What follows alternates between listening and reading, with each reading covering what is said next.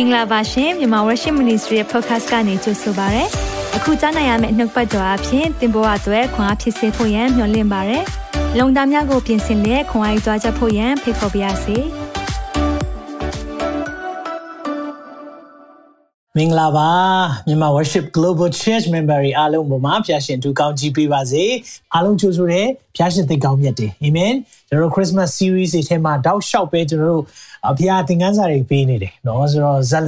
ဇက်ရှင်ကလည်းတက်လာပြီဒီနေ့ကတော့เนาะဇလန်တစ်ခုမှကြီးတဲ့ကြည်လိုက်တိုင်းမှာအမြဲတမ်းအာလူချမ်းမင်းသားအမြဲပါတယ်လीเนาะဆိုတော့ဒီ Christmas ဇလန်ထဲမှာလည်းလူချမ်းရှိတယ်အဲ့ဒီလူချင်းကတော့တခြားလူမဟုတ်ဘူး Herod မင်းကြီးเนาะ King Herod เนาะ Herod the Great လို့ပြောတယ်ဆိုတော့သူ့ကိုလေ့လာတဲ့အခါမှာเนาะကျွန်တော်တို့မကြိုက်တဲ့ character ပေါ့เนาะမကြိုက်တဲ့သရုပ်ဆောင်တယောက်ဖြစ်တယ်မကြိုက်တဲ့ဇက်ဆောင် ဇက်ကောင်ဖြစ်နေပေမဲ့ကျွန်တော်သင်စရာအများကြီးရှိတယ်သူကနေเนาะဆိုတော့ဒီအကြောင်းအရာကိုဒီညမှာလေ့လာသွားမှာဖြစ်တယ်ကျွန်တော် Hero မင်းကြီးအကြောင်းလေ့လာတဲ့အခါမှာအရင်စိတ်ဝင်စားစရာကောင်းတဲ့အရာလေးတွေကျွန်တော်တို့အရင်ကမသိဘူးတဲ့အရာတွေကျွန်တော်တို့တွေ့လာရမယ်အာမင်အဲကြောင့်မလို့အာကျွန်တော်တို့ဒီနေ့ Christmas မှာသခင်ခရစ်တော်ကိုလက်ဆောင်တစ်ခုပေးခွင့်ရမယ်ဆိုမိတ်ဆွေပါပေးခြင်းလဲဒီ Christmas မှာသခင်ကိုလက်ဆောင်တစ်ခုပေးမယ် ပေးခွင့်ရမယ်ဆိုရင်မိတ်ဆွေပါပေးမလဲမိတ်ဆွေသခင်ကိုဘာလက်ဆောင်ပေးခြင်းလဲနော်ဖခင်ကတော့တင့်ကိုအကောင်းဆုံးသောလက်ဆောင်ပေးပြီးပြီဒါပေမဲ့တင်သူ့ကိုပြန်လက်ဆောင်ပေးရမယ်ဆိုရင်ဘာပေးခြင်းလဲဒါလေးကိုသိချင်ပါတယ်ဒါကြောင့်ဒီညမှာလည်းအထူးပဲကြိုဆိုတယ်အာမင်ဒါကြောင့်ကျွန်တော်တို့စိုးရိမ်စရာမရှိပါဘူးဖခင်ကကျွန်တော်တို့ကိုနှုတ်ကပတ်တော်နဲ့အချိန်မီအမြဲတမ်းစကားပြောတယ်တချို့တွေ ဖခင်ကိုစွန့်လွတ်သွားဖို့ရန်အတွက်နည်းနည်းလေးပဲလိုရတဲ့အချိန်မှာပင်လေဖခင်ကကျွန်တော်တို့ကိုပြန်ဆွဲခေါ်သွားတယ်ဟာလေလုယာသူမြစ်တာနဲ့သင်ထွက်ပြေးလို့မရဘူးသင်သူမြစ်တာထဲမှာလုံးဝဒီနေ့ပြန်ရောက်ကိုရောက်တယ်เนาะကျွန်တော်တို့လည်းငယ်စဉ်အချိန်ခါကနေစူးစမ်းတယ်เนาะထွက်ပြေးခြင်းနဲ့မရဘူးဖခင်ရဲ့မြစ်တာကိုကျွန်တော်တို့ထွက်ပြေးလို့မရအောင်နောက်ဆုံးမှသိလိုက်ရတယ်ဗာလေသိလားသူမြစ်တာအကောင်းဆုံးပဲဟာလေလုယာအဖရဲ့မြစ်တာအကောင်းဆုံးပဲ ဒီအဖရဲ့မေတ္တာလောက်နှွေးထွေးလုံခြုံတဲ့နေရာမရှိဘူး။အဲကြောင့်မလို့ကျွန်တော်တို့ကိုဘုရားကဘောင်ခတ်ထားပေးတာအကြောင်းရှိတယ်။သူ့မေတ္တာနော်ဒီနေ့သူ့ရဲ့သူပြောတဲ့စကားနားထောင်ခြင်းဆိုတာကျွန်တော်တို့ကိုခြံစည်းကိုခတ်ပေးတာ ਨੇ တူတယ်။ဘာကြောင့်လဲဆိုတော့အပြင်ကနေလာမဲ့တိုက်ခိုက်မှုတွေကိုကာပေးထားတာဖြစ်တယ်။ဒီနေ့ကျွန်တော်တို့ကထင်တယ်အာခြံစည်းကိုခတ်တာငါတို့ကိုမထွက်စေချင်လို့လုပ်တာဖြစ်လိမ့်မယ်။လုံးဝမဟုတ်ဘူး။မိတ်ဆွေကိုကာကွယ်ပေးတာဖြစ်တယ်။အာမင်။အဲကြောင့်ကျွန်တော်နားလည်ရအောင်။ဖခင်ကကျွန်တော်တို့ကိုပြောတဲ့ နော်သူ့စကားတော်နော်အာဒီဓမ္မဟောင်းကျမ်းမှာဆိုရင်ပြည့်ညတ်တော်လို့ပြောတဲ့အရာတွေကတကယ်တော့ကျွန်တော်တို့ကောင်းဖို့ကြီးပဲအရာအလုံးကနော်ဒါပေမဲ့ကျွန်တော်တို့လူကမကောင်းတဲ့ခါမှာမလိုက်ရှောင်နိုင်ဘူးသခင်ကအရာအလုံးကိုကျင့်ပေးသွားတယ်ဒါပေမဲ့အချိန်ထဲမှာပဲကျွန်တော်တို့သိပါဖခင်ပြောတဲ့အရာတချို့ဟာကျွန်တော်တို့ကဒီနေ့အထိလိုက်ရှောက်ရတဲ့အရာတွေရှိတယ်နော်ဒါကိုနားလည်စေချင်တယ်ဒါကြောင့်မလို့ဖခင်ရဲ့မေတ္တာထဲမှာအလုံးစုံဆုံးပဲဖခင်ရဲ့မေတ္တာကနေသင်ထွက်သွားမယ်ဆိုရင်တော့ သင်အတွက်အန္တရာယ်ရှိတယ်ဒါကြောင့်ဒီနေ့ယုံကြည်တယ်ဒီနှုတ်ကပတ်တော်အဖြစ်ဖခင်ကသင်ကိုပြန်ဆွဲခေါ်လိမ့်မယ်အာမင်ဒီနှုတ်ကပတ်တော်အဖြစ်သင်ရဲ့သက်တာမှာထူးခြားမဲ့အရာဖြစ်တယ်လို့ဒီနေ့ကျွန်တော်ယုံကြည်တယ်အာမင်အဲကြောင့်မလို့ကျွန်တော်တို့ဝန်ခံနေကြနှုတ်ပတ်တော်နဲ့ပြန်လည်ဝန်ခံရအောင်အာမင်အာမင်ဒီနေ့အားလုံးအစဉ်သင်ဖြစ်ပြီလားနှလုံးသားပြီးမယ်ခွင့်လွှတ်ခြင်းနဲ့လူတွေကိုချစ်မယ်အာမင်နာနားထောင်နာခံခြင်းလက်ဆောင်သခင်ကိုပေးခြင်းတယ်တဲ့ဟာလေလုယာ ဒီနေ့ဖခင်တကယ်တောင်းနေတဲ့အရာကလေရွှေလည်းမဟုတ်ပါဘူးငွေလည်းမဟုတ်ပါဘူးကျွန်တော်တို့ကထင်တတ်တယ်ဖခင်နော်ဖခင်ကဖခင်စီကိုလာတဲ့အခါမှာကျွန်တော်တို့ကရွှေငွေရှိမှလာလို့ရတယ်ဒီနေ့ရွှေနဲ့ပူဇော်တယ်ဆိုတာအရင်ဘက်ကကျွန်တော်ပြောပြီးပြီဘယင်ဖြစ်တယ်ဆိုတာဝန်ခံတာအုပ်ဆိုးခြင်းကိုဝန်ခံတာဖြစ်တယ်အဲကြောင့်မလို့သခင်ရဲ့အုပ်ဆိုးခြင်းကိုဝန်ခံခြင်းဟာဘာနဲ့တူလဲဆိုတော့သင်ရွှေနဲ့သခင်ကိုလက်ဆောင်ပေးတာနဲ့တူတယ်အဲကြောင့်ဒီ Christmas မှာကိုရော2020မှာ ကိုရောကျွန်တော်တို့ပို့ဆောင်တယ်ကျမတို့ပို့ဆောင်2021မှာကိုရောရဲ့အကြံစီနဲ့အလိုတော်ထဲမှာလုံးဝမလွဲခြင်းဘူးအဲ့ဒီထဲမှာသွားခြင်းတယ်အဲဆိုဒါသခင်ကိုလေ Christmas လက်ဆောင်ရွှေနဲ့ပူဇော်တာနဲ့အတူတူပဲဖြစ်တယ်အာမင်အဲကြောင့်လောဘနဲ့မပူဇော်ခြင်းလားယစ်ဘရဟိဖြစ်တယ်သခင်ကကျွန်တော်တို့ရှိမှအမြဲတမ်းဖခင်နဲ့ကျွန်တော်ဆက်ကြားထဲမှာဖြည့်ရှင်းပေးနေတဲ့ယစ်ဘရဟိမင်းဖြစ်တယ်ဆိုတော့အမြဲတမ်းသိခြင်းဟာလေလောဘနဲ့ကိုးကွယ်တာဖြစ်တယ်လို့မူရန်သခင်ရဲ့အသေးခံခြင်းနော်သ ခင်ရဲ့တကြိုခြင်းဟာသင်နဲ့ကျွန်တော်ရဲ့အသက်ရှင်ခြင်းဖြစ်တယ်ဟာလေလုယာဒါကြောင့်ဒီနေ့ပညာရှိ၃ပါးကိုးကွယ်တဲ့လက်ဆောင်မှာအဓိပ္ပာယ်ရှိတယ်သင်လည်းကိုယ်ကွယ်ပူဇော်လို့ရတယ်ဟာလေလုယာ။နောက်ကျွန်တော်ဝန်ခံရအောင်ဒီနှစ်သုံးနှုတ်ကပတ်တော်သည်အကျွန်ုပ်ခြေရှိမှမိခွက်ဖြစ်၍အကျွန်ုပ်လမ်းခီကိုလင်းစေပါ၏တစ်ခါတော့ထပ်ဝန်ခံရအောင်နှုတ်ကပတ်တော်သည်အကျွန်ုပ်ခြေရှိမှမိခွက်ဖြစ်၍ကျွန်ုပ်လမ်းခီကိုလင်းစေပါ၏ဒီနေ့နှုတ်ပတ်တော်အပြင်သင်လန်းလင်းမယ်သင်ဘာလုပ်ရမလဲဆိုတာသိလိမ့်မယ် ဒီနေ့သင်ချုပ်နှောင်ခြင်းထဲမှာရှိနေတယ်လို့ခံစားရင်ဒီနေ့နှုတ်ကပတ်တော်အပြင်သင်လွတ်မြောက်မယ်သင်ယုံကြည်ပါသလားသင်ခံယူပါသလားဒီနေ့နှုတ်ပတ်တော်နားထောင်တဲ့အချိန်မှာကိုကိုဖះဘာစကားပြောမလဲဆိုတဲ့နှလုံးသားနဲ့နားခံရအောင်အာမင်အဲကြောင့်ခဏလောက်စက္ကန့်နိုင်ရအောင်ကျွန်တော်တို့လက်ဆုတောင်းပေးပါစက်ပစ္စည်းတွေအတွက်ဆုတောင်းပေးပါ team အတွက်ဆုတောင်းပေးပါသင်ရဲ့နှလုံးသားအထူးသဖြင့်ဆုတောင်းပါဖះဒီနေ့စကားပြောတဲ့အရာကျွန်မကြားခြင်းနဲ့ကျွန်တော်ကြားခြင်းနဲ့အာမင်ခဏလောက်စက္ကန့်ရအောင် သက်ရှင်သောထာဝရမြတ်ဆိုသောဘုရားနာမတော်ကိုထူးချီးမွမ်းနေဒီနေ့ညနှုတ်ပတ်တော်ဟာကိုရောကျွန်တော်တို့ကိုပြောဖို့ရန်အတွက်ပြင်ဆင်ထားပြီးသားအရာဖြစ်ပါတယ်ဖာဒီနေ့နှစ်ပေါင်း2000ကြာပြီမဲ့ကျွန်တော်တို့အတွက်ဟာဒီနှုတ်ပတ်တော်အသက်ရှင်နေစေဖြစ်တယ်ဒီအတွက်ကိုရောယေရှုတင်ပါတယ်ဒီညမှာကိုရောအရှင်သောဝိညာဉ်တော်ကိုယ်တိုင်ကျွန်တော်တို့ကိုသင်ပေးပါကိုရောစကားပြောပါဒီနေ့ကျွန်တော်ဟာအသုံးတော်ခံတက်တက်ပဲဖြစ်ပါတယ်ဒီနေ့ကျွန်တော်ရဲ့ပြင်ဆင်ထားတဲ့အရာလူညံနဲ့ပြင်ဆင်ထားတဲ့အရာတွေထက် ကိုရောရဲ့မှုတ်သွင်းတဲ့နှုတ်ပတ်တော်ဖြစ်တဲ့ကိုရောကိုယ်တိုင်တာဝန်ယူပြီးတော့သင်ပေးပါလက်ဝင်အနန္နဲ့ဆက်ပစ္စည်းမှဆိုင်၍လေထုတစ်ခုလုံးကိုယေရှုနာမအားဖြင့်ကောင်းချီးပေးတယ်။ကောင်းကင်ဘုရားများဒီနေ့လေထုပိတ်ဆို့နေတဲ့အရာအလုံးကိုဖယ်ရှင်းပေးဖို့ရန်အတွက်ယေရှုနာမ၌ဒီနေရာကနေအကူအညီတောင်းတယ်။ဘုရားရှင်ဝင်လေးနေတဲ့သူတွေပင်ပန်းမနေတဲ့သူတွေနာမကျန်းတဲ့သူတွေလည်းဒီနေ့ညမှာနှုတ်ကပတ်တော်အဖြစ်ဧကမလွတ်မြောက်ရတဲ့အခွင့်ပေးပါ။အသက်ရှင်တော်မူသောသခင်ယေရှုခရစ်ရဲ့နာမတော်မြတ်၌ အလိုရည်သေးစွာဆုတောင်းဆက်ကပ်ပါ၏ဖာအာမင်အာမင်ဟုတ်ပြီကျွန်တော်တို့အာကျွန်တော်တို့ခုခရစ်စမတ်ဇလန်တွင်းမှာကျွန်တော်အပိုင်းအပိုင်း6တောင်ရောက်သွားပြီเนาะဆိုတော့အကေပြီလွတ်သွားရဆိုရင် YouTube မှာအကုန်လုံးပြန်နားထောင်လို့ရတယ်เนาะမြန်မာ worship ဆိုပြီးတော့ YouTube မှာရှာလိုက်မယ်ဆိုရင်ကျွန်တော်တို့သင်ကြားခဲ့တဲ့နှုတ်ကပတ်တော်အားလုံးရှိနေတယ်ဆိုတာကိုပြောပြချင်တယ်ဆိုတော့ဒီညမှာ Hero Minji Hero Minji ကဘာတူလဲလို့ပြောရင်တော့ကျွန်တော်တို့လမ်းမှားသူဆိုတဲ့ခေါင်းစဉ်လေးနဲ့ ပြောချင်တယ်လမ်းမှားတဲ့သူဆိုတော့လမ်းမှားတယ်လို့ပြောတဲ့အခါမှာအမှန်တွေ့ရနဲ့မရွေးတာလမ်းမှားတယ်လို့ပြောတဲ့အခါမှာတခါလေးမှရွေးချယ်စရာရှိတယ်ဒါပေမဲ့မရွေးချယ်လိုက်တာနော်ဆိုတော့အာလမ်းမှားတာတော့မလွယ်ဘူးနော်တခါကျွန်တော်တို့အာ Brisbane မြို့ထဲကိုကားမောင်းသွားကြတယ်အဲ့ဒီကဆ iam မအလုပ်လုပ်ဖို့ကျွန်တော်ကမနေ့အစောကြီးလိုက်ပို့တာပေါ့နော်ကျွန်တော်အိမ်ကနေ9နာရီကျော်ကျော်လောက်ကထွက်ပြီးတော့ကျွန်တော်တနာရီကျော်ကျော်လောက်ကားမောင်းသွားရတဲ့နေရာသွားကြတယ် သွားတဲ့အချိန်မှာကျွန်တော်ကဒီဖုန်းထဲကနေမြေပုံကြည့်နေတာမြေပုံကြည့်ရနဲ့တွိုင်းတွိုင်းနဲ့ land zone တစ်ခုရောက်တဲ့အခါမှာ तू က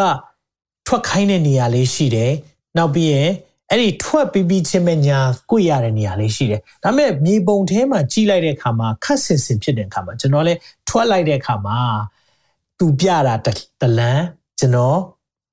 တွားလိုက်မိတာတလန်းဖြစ်သွားတယ်ရုတ်တရက်အရန်စိတ်ညစ်သွားတယ် ဘာလို့လဲဆိုတော့နော်ဩစတြေးလျနိုင်ငံမှာလမ်းမှားပြီးဟေးဆိုရင်တော့တော်တော်လေးပြန်သွားပြီးမှပြန်ပတ်ရတယ်နော်ဆိုတော့အာထွက်ပေါက်တစ်ခုအထိပြန်သွားပြီးမှပြန်လှည့်တာပေါ့နော်အဲ့လိုမျိုးဖြစ်တဲ့အခါကျတော့အချိန်လဲကုန်တယ်နော်လူကလည်းဟိုမနဲ့ဆောကြီးထားတဲ့ခါမှာသေချာလေးကျွန်တော်တို့ပြင်ဆင်ထားရက်နဲ့ဖြစ်တဲ့ခါမှာတော့နော်လူဖြစ်တဲ့ခါမှာမကြုံချင်ဘူးဆိုတော့အရန်သတိထားတာပေါ့နော်ဒီလိုပဲဘဝမှာလေကျွန်တော်လမ်းမှားတဲ့အချိန်ရှိတတ်တယ် ဒါပေမဲ့လမ်းမှားလိုက်မိပြီဆိုတာနဲ့ကျွန်တော်တို့နားလည်ဖို့ကအချိန်ထဲမှာပဲပြင်လို့ရတယ်။နော်တီးရက်တီးတီးနဲ့ဆက်သွားတာလာမှတကယ်လမ်းမှားတယ်သူ။ဆိုတော့ hero မင်းကြီးကတော့လမ်းလွဲသွားတဲ့လူမဟုတ်ပဲနဲ့လုံးဝကိုမှားပြီးတော့မှားမှန်တီးတီးနဲ့ဆက်သွားတဲ့သူဖြစ်တယ်။မိုက်မဲတော်သူဖြစ်တယ်။အဲကြောင့်မလို့ကျွန်တော်တို့ hero လူမျိုးမဖြစ်ဖို့လိုတယ်။ဆိုတော့ဒီနေ့မှာကျွန်တော်တို့သူ့အကြောင်းနဲ့ပတ်သက်ပြီးတော့ကျွန်တော်လေ့လာရအောင်။ဆိုတော့ ဟိုနေ့ကလည်းကျွန်တော်တို့အာဒီအကြောင်းနဲ့ပတ်သက်ပြီးတော့အနေငယ်လေ့လာခဲ့ကြတယ်ဆိုတော့ဒီနေ့မှာကျွန်တော်တို့ဆက်ပြီးတော့လေ့လာရအောင်အာမင်ဆိုတော့ရှင်မသက်ခရစ်ဝင်ကျမ်းခန်းကြီး1ထဲမှာပဲဒီအကြောင်းကိုအခြေတဝင့်ပြောထားတာရှိတယ် ဆိုတော့ဒါလေးကိုဖတ်ရအောင်။မာကုပညာရှိများဆိုတာကျွန်တော်အရင်သင်ခန်းစာတုန်းကဒါကိုပြောခဲ့ပြီးသားဖြစ်တယ်။ဒါပေမဲ့တစ်ခေါက်တော့ပြန်ဖတ်ရအောင်။ယူရပီပတ်လည်မြို့၌ရှိသောဟေရုမင်းကြီးလက်ထက်ယေရှုသည်ဖွားမြင်ခြင်းကိုခံတော်မူပြီးမှမာကုပညာရှိတို့သည်အရှိပီကယေရုရှလင်မြို့သို့ရောက်လာကြလင်ယခုဖွားမြင်သောယူရရှင်ပြန်သည်အဘယ်မှရှိတော်မူသည်နည်းအရှိပီ၌သူ၏ခြင်းကိုငါတို့သည်မြင်ရသည်ဟုဖူးတွေးပူဇော်ခြင်းကရောက်လာပြီဟုမင်းမြန်ပြောဆိုကြ၏တဲ့။သူတို့ကအရှိပီကနေ King Star ဆိုတဲ့ Bethlehem Star of Bethlehem လို့လည်းခေါ်တယ်ဘက်လင်ကျဲတွေ့တော့လိုက်လာကြတယ်လိုက်လာတော့ရှင်ဘီရင် King Star ပေါ့နော်ရှင်ဘီရင်မွေးမဲ့ရှင်ဘီရင်ရဲ့နမိတ်ပြတဲ့ကျဲဖြစ်တော့သူတို့လည်းနန်းတော်ကိုသွားလိုက်မိတာဖြစ်တယ်ထိုစကားကိုကြားလဲအဲ့ဒါကြားကြားချင်းမှာဟေရုမင်းကြီးဒီယေရုရှလင်မြို့သူမြို့သားအပေါင်းတို့နဲ့တကွစိတ်ပူပန်တယ်အရန်ဆိုးရိမ်သွားတယ်သူထီးနှမ်းပြောက်တော့မလားနော်သူ့ကိုလူတဲ့လူရှိတော့မလားစားသဖြင့်သူကဆိုးရိမ်သွားတာကို တွေ့ရတယ်ယေဘရဟိအကြီးနဲ့အကြီးတို့နဲ့လူတို့တွင်ကြံပြူစရာရှေးများတို့ကိုစုဝေးစေ၍ခရစ်တော်ခရစ်တော်ကိုအဘယ်ရက်မှာဖွားမြင်လိမ့်မည်နည်းဟုမေးမြန်းတော်မူဘယ်မှာမွေးမလဲလို့ပြောတဲ့အခါမှာတော့အဲ့ဒီမှာကြံပြူစရာတော့သူတို့မိခါအနာဂတ်ကြံခန်းကြီးကအငယ်နှစ်ကောက်အကြောင်းအောင်သူတို့ကသိတယ်နော်အဲ့ဒီမှာကြည့်တဲ့အခါမှာအိုးယူရပြီဘယ်လီမျိုးဆိုရသောယူရမျိုးတို့ရင်တင်ဒီမျိုးငယ်မျိုးယုံမဟုတ်အကြောင်းမူကား ငါဤလူစုအေးတီလာအမျိုးကိုအုပ်ဆိုးရသောသခင်သည်တင်းရဲ့ထဲမှာပေါ်ထွန်းလက်တန်းဟုဂျန်လာဤထို့ကြောင့်ယူရပြီဘယ်လီမျိုး၌ခရစ်တော်ကိုဖွားမြင်ရပါမည်ဟုမင်းကြီးကပြန်လျှောက်တယ်ဆိုတော့ဘယ်လီမျိုးမှာမွေးမယ်ဒီနေ့လေဝမ်းနည်းစရာကောင်းတာတခုလေတွေ့တဲ့အခါမှာပညာရှိတွေကအရှိပီကနေလာပြီးတော့ဒီသူငယ်ကိုလာရှာတယ်ဒါပေမဲ့ကြမ်းတက်ဆရာတွေနဲ့တခြားကြမ်းပြုဆရာနော် ပညာတတ်တယ်လို့ပြောလို့ရတဲ့သူတွေကဘက်လီမြို့မှာဖွားမယ်ဆိုတာသိပေမဲ့သူတို့လည်းနန်းတော်ကနေမသွားဘူး။အားကြောင့်လည်းသိလား။နေရာပြောက်သွားမှာ position အမြဲတမ်း power နဲ့ position တွဲလေးရှိတယ်။တော်တော်များများဒီနေ့သခင်ကိုမတွေ့တဲ့အကြောင်းရင်းကလေကျွန်တော်တို့ power ဒါမှမဟုတ် position ယာဒူးနဲ့အာနာကိုကင်နေတဲ့၍ဘယ်တော့မှသခင်နေရမရဘူး ပြန်ပြောမယ်နော်တင်ယာဒူးနဲ့အာနာကိုကင်နေတဲ့၍သခင်ဘယ်တော့မှတင့်ဘဝမှာနေရယူလို့မရဘူးဒါကိုဒီကျမ်းစာတွေမှာကျွန်တော်တွေ့ရတယ်အဲကြောင့်ဆက်ကြည့်ရအောင်နော်အဲ့အဲ့မှာ hero ကမာကုပညာရှိတော့မထင်ရှားခေါ်ရဲဆိုတာတိတ်တိတ်လေးခေါ်ပြီးတော့တေးချစစ်စစ်ဆက်ဆက်မေးတယ်ဆိုဘယ်တော့တွေ့တာလဲဘယ်တော့မွေးမှလဲစသဖြင့် तू तू မေးတယ်အဲ့ဒီမှာအငယ်အဲ အောက်ဆုံးချမ်းပိုက်ကြည့်အောင်သင်တို့သွားရေးထိုတငယ်ကိုစူးစမ်းရှာကြပါတွေ့လင်ငါထံသို့ပြန်လာ၍ငါလည်းထိုတငယ်ကိုဖူးတွေ့ရအောင်လို့ကြားပြောတယ်တဲ့ငါလည်းဖူးခြင်းတယ်ဖြစ်နိုင်တငယ်ကိုသွားရှာပြီးရင်ငါ့ကိုပြန်လာပြောပြအဲဆိုတော့အဲ့ဒီမှာဘက်လီမျိုးလွှတ်လိုက်တယ်တဲ့နော်ဆိုတော့အဲ့မှာဆက်ကြည့်တဲ့အခါမှာထိုသူတို့သည်မင်းကြီးစကားကိုနားခံပြီးလင်ထွက်သွားကြ၏ရှေ့ပြီးနိုင်မြင်ရသောကျဲသည် သင်တို့ရှိကသွားသဖြင့်သူငယ်တော်ရှိရာရက်ပေါ်သို့ရောက်၍တည်တယ်။ထိုကျဲကိုမြင်ပြန်သောအခါအလွန်ဝမ်းမြောက်ဝမ်းသာခြင်းသူတို့ကျဲကိုတွေ့တဲ့အခါမှာအဲ့ကျဲကလည်းသူငယ်တော်ရှိတဲ့အပေါ်မှာသွားရက်နေတာ။အဲ့ဒီမှာဆိုင်းပြတယ်ဒီနေရာပဲ။သူတို့တွေ့တဲ့အခါမှာအိမ်သို့ဝင်လေတော့နော်။မေရိုမာရီနဲ့တကွာသူငယ်ကိုတွေ့မြင်ရင်ပြက်ဝတ်ကိုကိုယ်ရေးမိမိတို့ဘန္နာဥစ္စာတို့ကိုဖွင့်ပြီးမှလောဘန်နေမှုရန်တီးဟုသောနန္တာမျိုးကို၎င်းရွှေကို၎င်းဆက်ကပ်ပူဇော် ကြ၏နောက်မှဟေရုမင်းကြီးထံမပြန်ရမည့်အကြောင်းဗျာဒိတ်အိမ်မက်တွင်ဗျာဒိတ်တော်ကိုဗျာကိုရ၍မိမိတို့ပြည်သို့အခြားသောလမ်းဖြင့်ပြန်သွားကြ၏ဆိုတော့အခြားသောလမ်းနဲ့သူတို့ပြန်သွားကြတယ်เนาะဒါကိုကျွန်တော်တို့ရှေ့သင်ခန်းစာတုန်းကဒီအရာလေးကိုကျွန်တော်တို့ပြောခဲ့တယ်ဆိုတော့ဆက်ကြည့်အောင်အဲ့ဒီမှာเนาะဟေရုမင်းကြီးအကြောင်းလေးနဲ့ပတ်သက်ပြီးတော့ပို့တွေ့ရတယ်အေဂုတ်တုပီတို့ရှောင်တင်ရတဲ့အခြေအနေပေါ်လာတယ်။ဘာလို့လဲဆိုတော့ဟေရုကတတ်ဖို့ကြိုးစားတယ်။ ထိုသူတို့ရဲ့ဒီဝါကြသည့်နောက်ယောသတ်ဒီအိမ်မက်ကိုမြင်ရသည်မှာထာဝရဘုရားကောင်းကင်ဘုံကြီးချင်းရှာ၍တင်ထလောမေရော်နဲ့တငယ်တို့ကိုဆောင်ယူပြီးလေအေဂုတ်ပီတို့ပြေး၍တဖန်ငါပြောဆိုသည့်တိုင်အောင်ထိုပြီးနိုင်နေလောဟေရုမင်းကြီးဒီတငယ်တို့ကိုတတ်အံ့သောငါရှာလိမ့်မည်ဟုဆိုလေဇက်ဂျန်နော်ဒီသူကလုံးဝ villain ဒီဇလန်မှာဒါမဖြစ်ဘူးငါတတ်မှတ်ရမယ်ငါထီးနှန်းကိုထိခိုက်မဲ့သူငါထီးနှန်းကိုအန်ဒီရဲ့ပေးမဲ့သူဖြစ်တဲ့အတွက်ကြောင့်မလို့ရှင်းပြမယ်ဆိုပြီးတော့ အဲ့လိုသူ့မှာကြံစီတဲ့အခါမှာဖခင်ကကောင်းကင်မှာလွတ်ပြီးတော့ယောသတ်ကိုအိမ်မက်နဲ့စကားပြောတယ်နော်အိမ်မက်နဲ့စကားပြောတဲ့အခါမှာအဲ့ဒီမှာဘာလုပ်လဲဆိုတော့အငယ်၁၄မှာကြီးတဲ့အခါမှာထိုအခါယောသတ်တီထား၍မေရောနဲ့သူငယ်တွေကိုညအချိန်တိုင်းဆောင်ပြီးလျင်အဲဂုတ်တုတ်ပြီးတော့ထွက်သွား၍ဟေရိုမင်းကြီးအနေဆာရောက်သည့်တိုင်အောင်ထုတ်ပြီးနိုင်နေလေ၏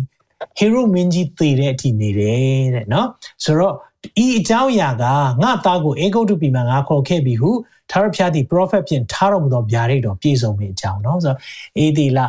အာအေဒီလာဟာအီဂျစ်ပြည်ကနေပြန်ဆောင်ခဲ့မယ်ဆိုပြီးတော့ prophet ပြောထားတဲ့အရာကပြန်ပြည့်စုံတယ်ဆိုတဲ့အကြောင်းကိုကျွန်တော်တို့လေ့လာခဲ့ပြီးသားဖြစ်တယ်အဲ့ဒီမှာထပ်ပြီးတော့တွေ့ရတယ်ထိုအခါဟေရိုမင်းကြီးသည် မာကုပညာရှိဒါက तू ဇလန်เนาะဇလန်အရာဆိုရင် तू ကမာကုပညာရှိတွေ သူစီပြန်မလာဘူးလှည့်ပြားသည်ကိုတိလင်ပြင်းစွာမြတ်ထွက်၍လူကိုဆေလွတ်သဖြင့်မာကုပညာရှိတို့၌စစ်စစ်မင်းမြန်ပြီးသောကျေးအချိန်ကာလကိုထောက်၍ဘက်လင်မြို့မှစ၍ကျေးလက်ရှိသမျှတို့၌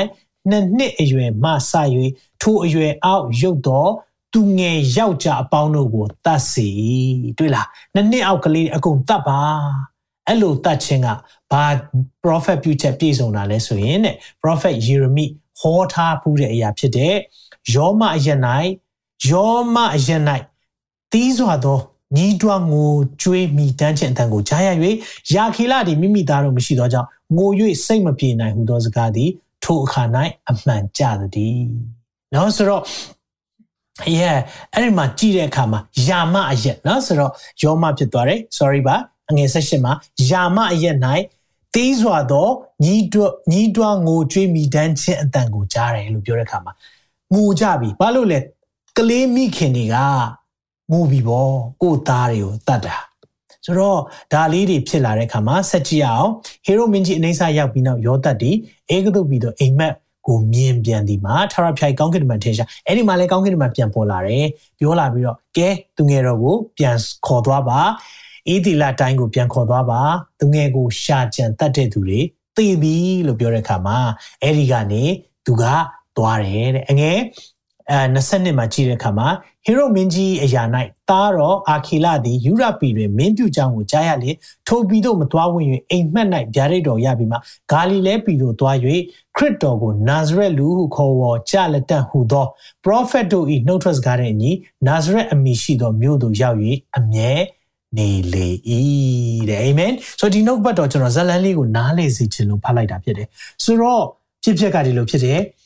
ပညာရှိတွေကအရှိဘက်ကနေလာတယ်နော်ဆိုတော့ဟိုတစ်ခါကတော့ကျွန်တော်တို့ပြောကြတယ်ပညာရှိ၃ပါးလားဟလာဘယ်နှပါလဲဒါအရေးမကြီးပါဘူးဒါပေမဲ့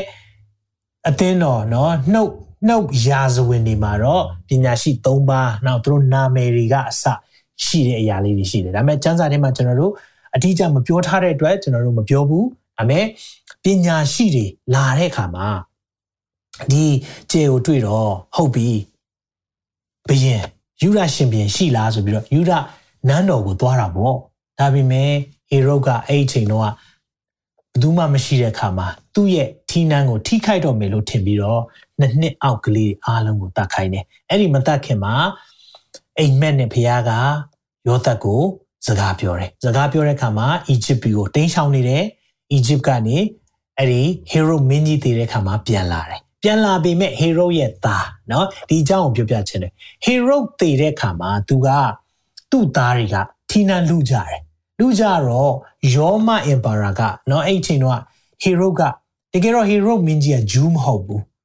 ဟေရိုကတကယ်တော့သူ့ရဲ့ဇက်ကြောင်းလေးကိုကျွန်တော်ပြီးကြရင်နည်းနည်းပို့ပြီးရှင်းပြခြင်းတယ်ဆိုတော့သူ့တိုင်းပြည်ကသားလေးယောက်ကိုခွဲပေးလိုက်တာခွဲပေးလိုက်တဲ့ထဲမှာသားတစ်ယောက်ကခုနကျွန်တော်ဖတ်သွားတဲ့သူဖြစ်တယ်ဆိုတော့အဲ့ဒီထဲမှာ hero hero မြင်းကြီးလိုပဲဖြစ်မှာဆိုလို့ဆိုပြီးတော့သူတို့ကနာဇရက်မြို့ဘက်ကိုသွားလိုက်ပြီးတော့အဲ့ဒီမှာယေရှုကနာဇရက်မြို့သားယေရှုဆိုတဲ့နာမည်ရသွားတာနော်တကယ်တော့သူကဘက်လင်မြို့မှာမွေးတာတကယ်ဆိုရင်တော့ဘက်လင်မြို့သားယေရှုလို့ပြောရမှာဒါပေမဲ့ prophet ပြုချက်ကလည်းယေရှုကနာဇရက်မြို့ကနေလာမယ်ဆိုတဲ့အရာရှိတဲ့အခါမှာနာဇရက်မြို့သားယေရှုဆိုပြီးတော့အမိတွင်လာတယ်ဟုတ်ပြီဒါပေမဲ့ကျမ်းစာကျွန်တော်ဖတ်တဲ့အခါမှာ hero ကခဏခဏပေါ်လာတယ်